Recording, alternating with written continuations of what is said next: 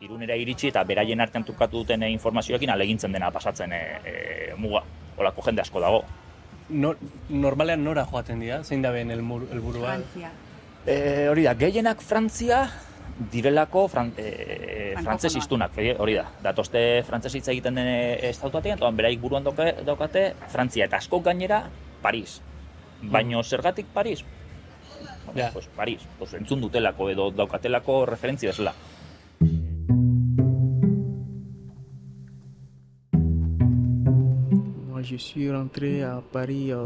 2000 eta hogeiko abuztuaren iruan iritsi nintzen Parisera. Ut 2020. Beraz, ia bi urte.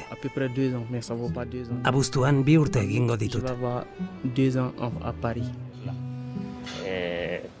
gutxi daude beste estatuata joaten da eta hemendik alegintzen da bueno, pues, Parisera joan ordez ba, beste leku batzara e, desbideratzen ze Paris momentu honetan dago Parisen dago ez dakit berrogeita hamar mila lagun edo kalian bizitzen berrogeita hamar mila migrante edo kalian bizitzen. Orduan beti izaten dena da baldin baduzu kontakturen bat bale.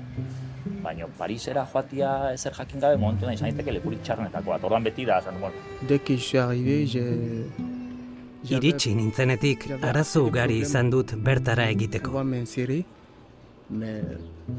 ta question est qui, qu'est-ce que j'ai fait Ez dut oraindik paperik lortu. papiers. Eta handik eta hemendik lan bila droite Zerbait eduki ahal izateko. Nire familiari janaria eman ahal izateko. Donc euh, j'ai pas un travail stable.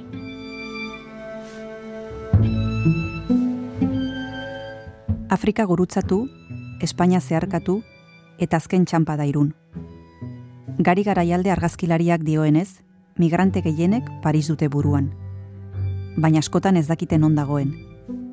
Ez da hiri hori nolakoa den ere. Pentsa, batzuek voluntarioei galdetu diete ea Paris irun baino handiagoa den.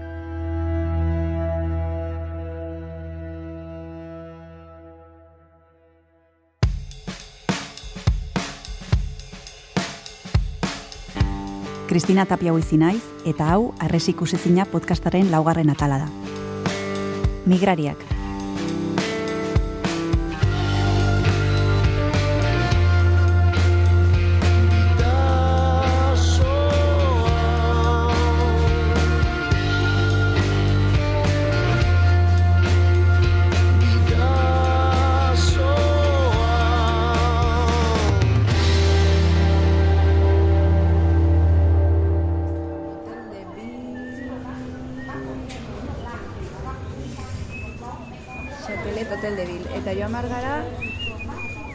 Guk ere Parisera joatea erabaki dugu. Irundik igarotzen diren migrari gehienen bidai luzearen helmugara iristea. Heldu bezain laster, amez gaizto bihurtzen den amestutako Parisera. Chateau de de Vicens, ona. Vale, orduan... Orduan horia, Hori hartu behar dugu, ez... bai, Bai, horia, Abitu, eta bitu, bat, bi, que lau, bueno, segituan parada. Osa, hartu behar dugu, linea, hiru, Naiz eta guk, migrariek ez bezala, arazorik gabe egin dugun bidea. Kotxez, miarritzeraino. Irungo mugan jendarmeen kontrolik pasa beharrik gabe. Eta hegazkinez, errex, egan, Frantziako hiribururaino. Gari garaialdek duela urte batzuk irundik pasatzen migrante baten kontaktua eman digu. Eta Parisko amazazpigarren auzunean dagoen hotel batean egin dugu itzordua berarekin. Hotelera iritsi, era. Idrisa Fofana izena du. Bolikostakoa da eta berrogeita bat urte ditu. Idrisak itzordu egin zigun hotel horretan lan egiten zuela pentsatzen genuen, eta arratsaldeko lauetan bukatzen zela bere lanaldia. Horregatik zela ordura, lekura. Baina gure usteak ustelak ziren. Baikorregiak, utopikoak.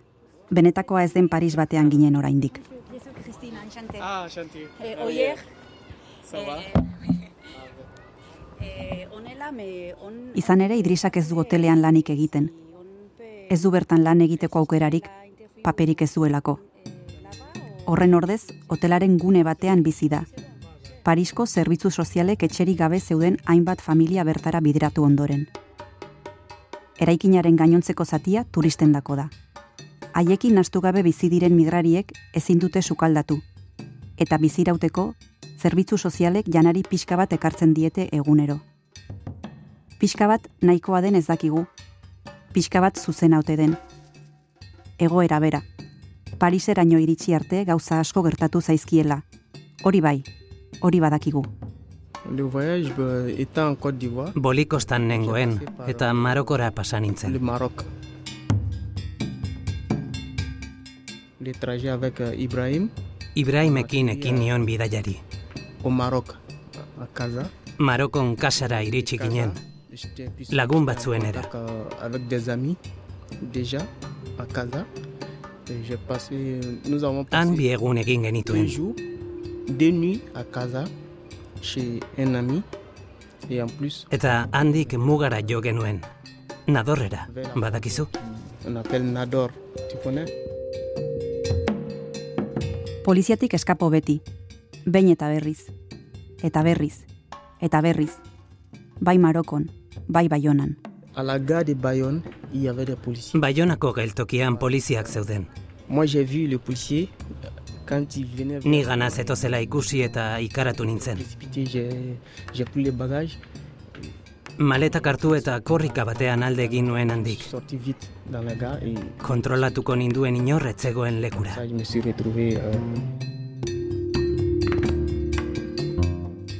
Migrariak deitzen diegu. Zeru epelagoetara bidaiatzen duten hegaztiak balira bezala. Bidaiariak edo turistak balira bezala. Baina ez dira ez bidaiariak, ez turistak. Ez da hegaztiak ere. Txori lurtarrak gehienera jota. Hegoaldetik abiatuta, beraien etxeko kabi errea gainean hartu eta ego errenak arrastaka gure desertu hotzetara ies egiten duten pertsonak dira. Baina Frantzia da migrari gehienen helburua, eta Paris dute askok jomuga, promestutako lurra. Idrisa polikostatik Sahara zeharkatu eta Marokora iritsi zen, herrialde gogorrena. Eta gero Tenerife. 2000 eta hogeiko abuztuan ailegatu zen Parisera.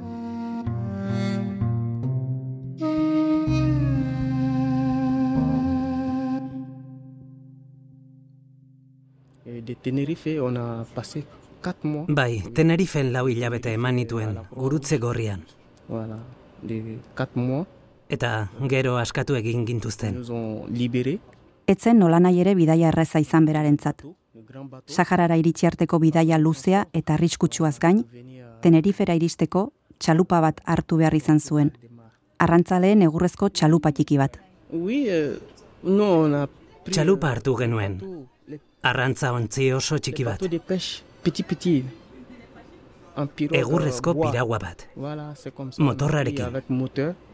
Txalupa txiki eta kaskar hortan ordea, hogeita mar pertsona sartu zituzten.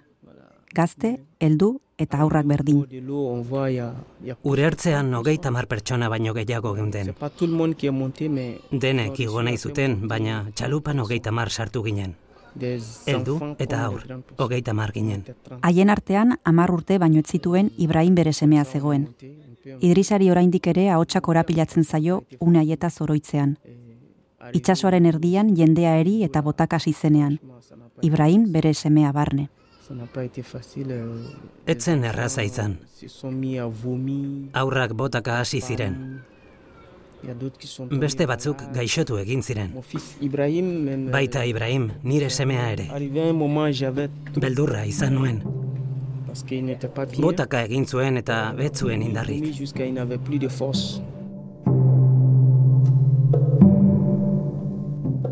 Bere semeagatik pasa zuen beldurra oroitzean, zerbait hautsi zaio barruan Idrisari. Seguruenik inoiz sendatuko ezen zauri bat utzi dio bidaiak. Sais pas comment dire, Ez da esaten duten bezala. il était méconnaissable. Et moi, Egia esan da, ez da erraza niretzat. c'est pas facile pour moi. Badira une batzuk, C'est des moments je ne veux pas. Ez dut hortaz ça, hitz egin nahi. Ez da atsegina. c'est ça Oso, oso, oso gogorra da. Beau. Pertsona baten bizitzan gauza batzuk behin bakarrik gertatzen dira. Très, très, très, très dur. Surtout quand on avec des femmes et des. Emakumeak eta aurrak igeri egiten etzekitenak, itsas erdian. Olatuak zetozen. Eta txalupan jendea garrasika eta negarrez hasten zen. Eriotza aurrez aurre ikusten genuen.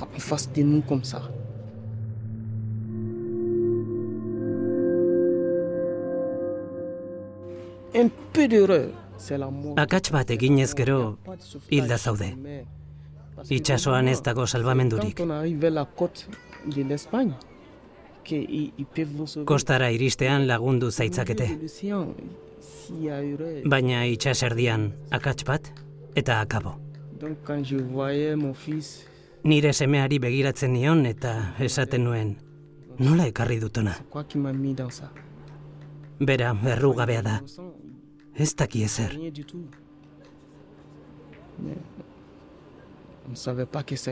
Ez daki zergatik diren horrela gauzak.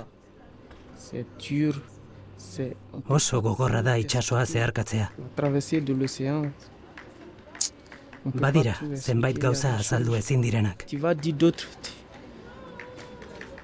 Ah.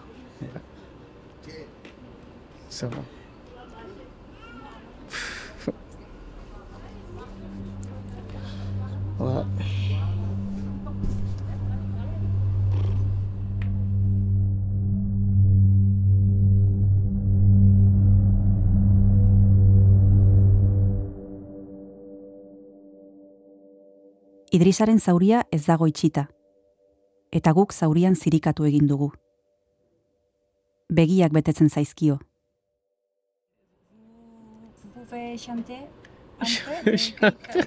Gaia zaldatzeko, bere herrialdeko musika gomendatzeko eskatu diogu. Ouais, ouais, ouais. Bolikostako eta rege musikako klasiko erraldoi bat eta berriagoa den beste talde bat aipatu dizkigu. Alpha Blondi eta Magic System. C'est dans ma galère que la tout m'a chanté, m'a quitté, oh. ah. C'est dans ma galère que la tout m'a quitté. Quand j'avais un peu, oh. matin, midi, soir. C'est dans ma galère que la goa tout m'a quitté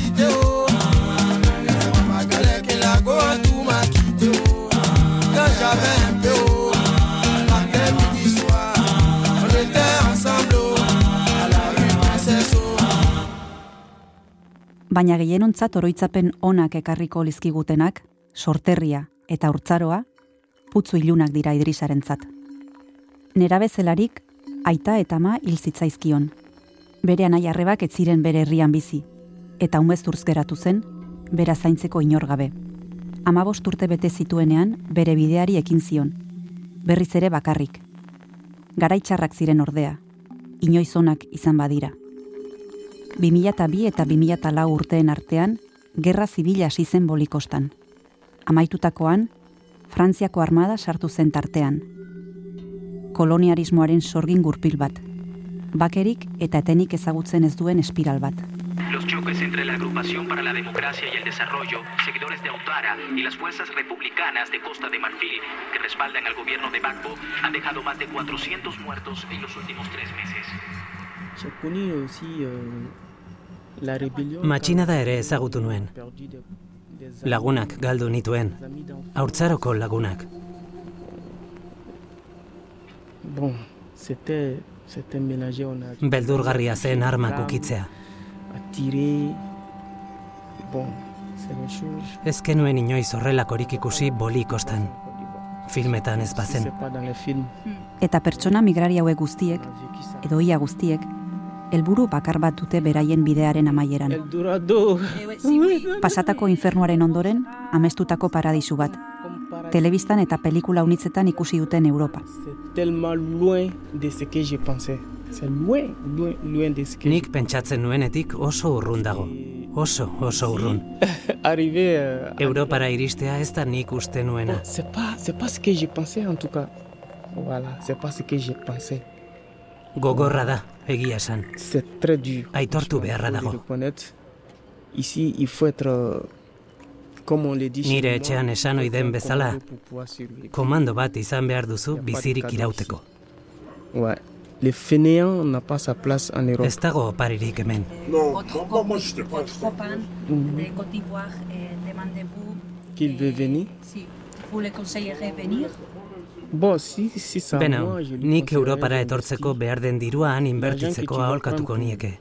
Pour venir en Europe, parce que quand tu viens en Ze Europe, Europara iristen zarenean, zerotik hasten zara. tu renais, c'est comme tu viens d'être né. Tu commences tout à zéro. Or, Idrisa puntu horretan dago. tu Zerotik hasten ari da eta etzaio erraza gertatzen ari. Bere emaztea bera baino lehenago iritsi zen Parisera eta duela urtebete jaio zen alasan txikia. Ce que, ce que j'ai avec elle, c'est, c'est l'amour. Gure artekoa erabateko maitasuna da. Elkar maite dugu. Elkarrekin hil nahi dugu. Beregatik edo zer egingo nuke. Emakume horrekin elkartzeko. Gauza ugari pasa ditugulako batera. Zailtasun ugari.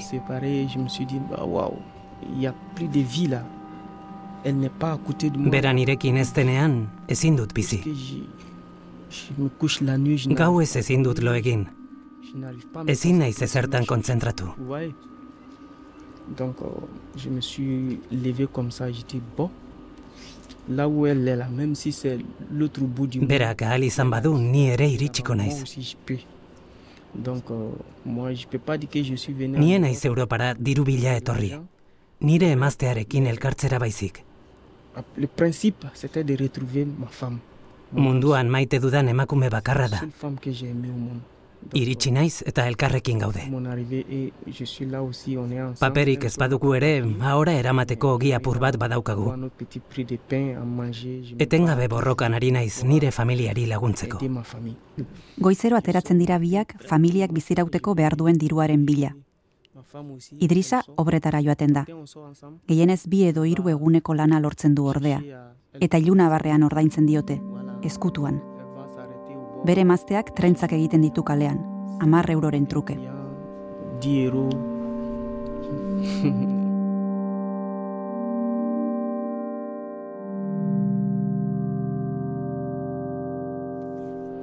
Mais on n'a pas les mêmes chances. vous voyez. Ez dauzkagu aukera berberak. Badira lanbide onak dituztenak, baina ez da erraza.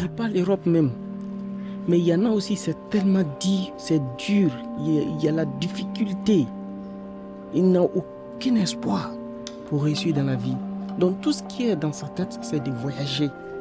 C'est de voyager, aller connaître le monde aussi.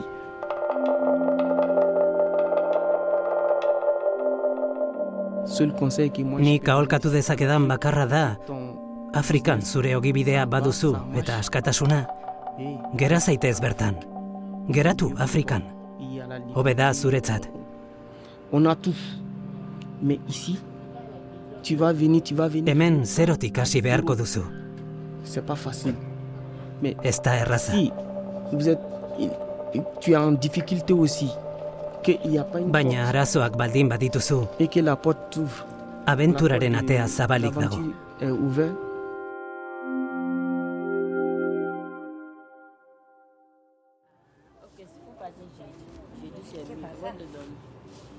Aquí a ver, Andy. ¿No bichito, eh? Ah, Aquí ya, ¡Hala! Ese se pasa,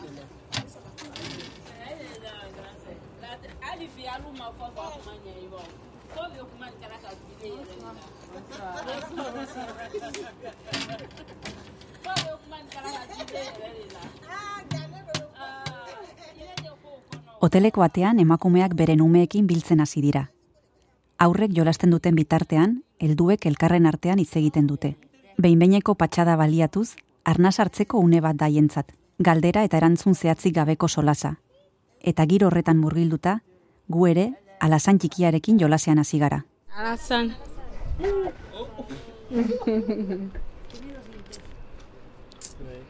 Dos, il a les dames ici et, Eh, quatre, quatre dames. Carla. Ah. eh, où est papa No hay par. Idrisak metrora lagundu digu.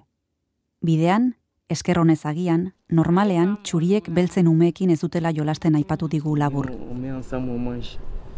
Lore bezala hartu dugu. gizartearen arantzak agerian uzten dituen lorea. Ibrahim, il Bidean Ibrahimek bere seme nagusiaren eskola erakutsi digu. Pozik eta harro dago ikastea gustatzen zaiolako. Begiak argitzen zaizkio frantses hizkuntza frantses batek bezain ondo hitz egiten duela kontatzen digunean. vite. Voilà, Ibrahim, euh, il est bien. Il a... Ibrahim oso pozik dago. Badakizu nolakoak diren aurrak. Erraz integratu da.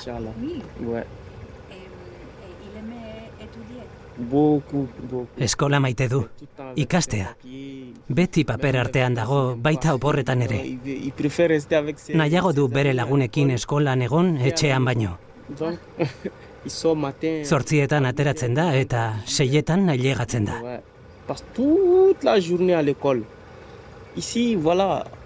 Aurrek ez dute aukera hori gurean.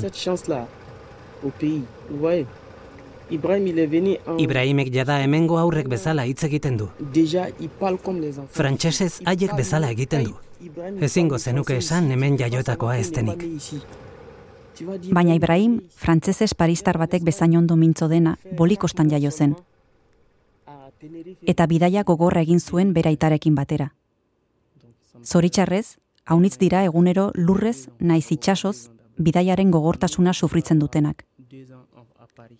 Asko zaurituak, jipoituak, bortxatuak. Gehiegi iristen ez direnak, bidean gelditzen direnak. Eta iristen direnak, fofana familia bezala, limbo juridiko batean geratzen dira. Lanik gabe, aurrak eskolan eta paperak lortzeke, eta iranguitze data duen aterpe batean. Baina zeren truke lagundu dieten pertsonak ere aurkitu dituzte bide horretan. À Irun. Irunen nintzela, ebak erakusten zidan nora jo. qui me guidait, qui me dit Idrissa. voilà Idrisa, adresse. begira, joan zaitez ona, bedo bara. Idrisak eba aipatu digu. Ebak ez digu abizenik esan. Ez du agertu nahi. Lan isila egiten du irungo harrera sarean. Eh, Baina ezinbesteko pertsona da mugatik pasatu diren askorentzat. Unkituta gogoratzen du Idrisak eskaini zion laguntzagatik. Familiako kide bat balitz bezala. Alduenean bizitan itzuliko dela agindu digu. il y a un autre qui s'appelle John. John. Cari, c'est ça. Voilà, c'est ce monsieur. Hori da, gizon hori da, bai. Chaque Asko lagundu didate. Nola nengoen jakiteko deitzen didate, familia ondo ote dagoen. Gari garaialde ere aipatu digu. Ez zuen izena gogoratzen, baina argazki erakutsita, bera zela esan digu.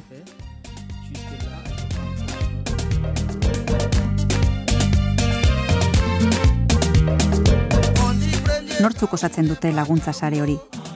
Zein da haien zeregina eta realitatea?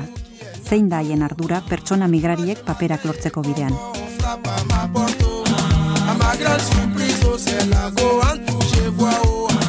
Urrengo atalean, Pertsona horiek ez dira ez erbesteratuak ez errefusiatuak. Pertsona non grata dira. Testuek ezartzen dituzten balditzak betetzen ez dituztenak. Beti esaten dugu ibiltzen dira bide alternatiboak bilatzen, ze bide bat e, egiten duten bakoitzean, e, poliziak bide hori harrapatzen baldin badu, bide alternatiboak bilatu behar dituzte. Eta momentu batean hasi ziren, menditik pasatzen. Eta menditik, bueno, jende asko pasatu izan da mendik, ze hau erabili izan da, e, kontrabandorako, hau erabili izan da, e, kometzareak, gaina oin markak ere ikusko ditu kometzareanak, kometzareak erabiltzen zuen iparraldetik e, hegoaldera pasatzeko, bigarren gerra mundialean,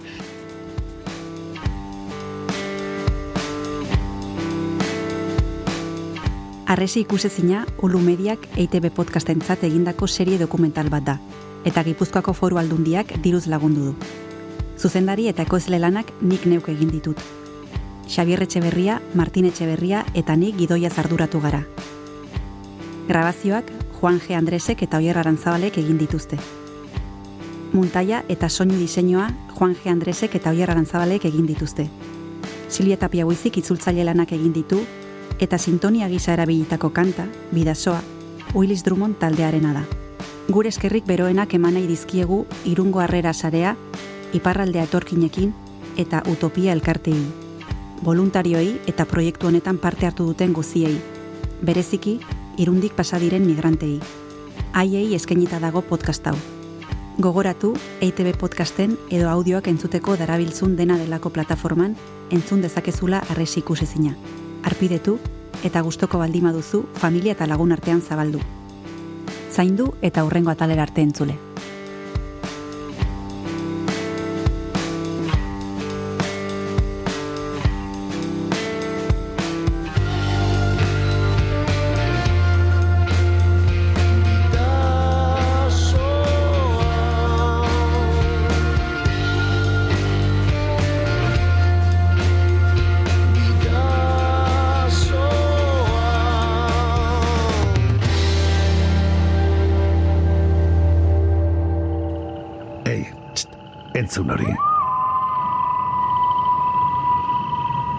Blue Media.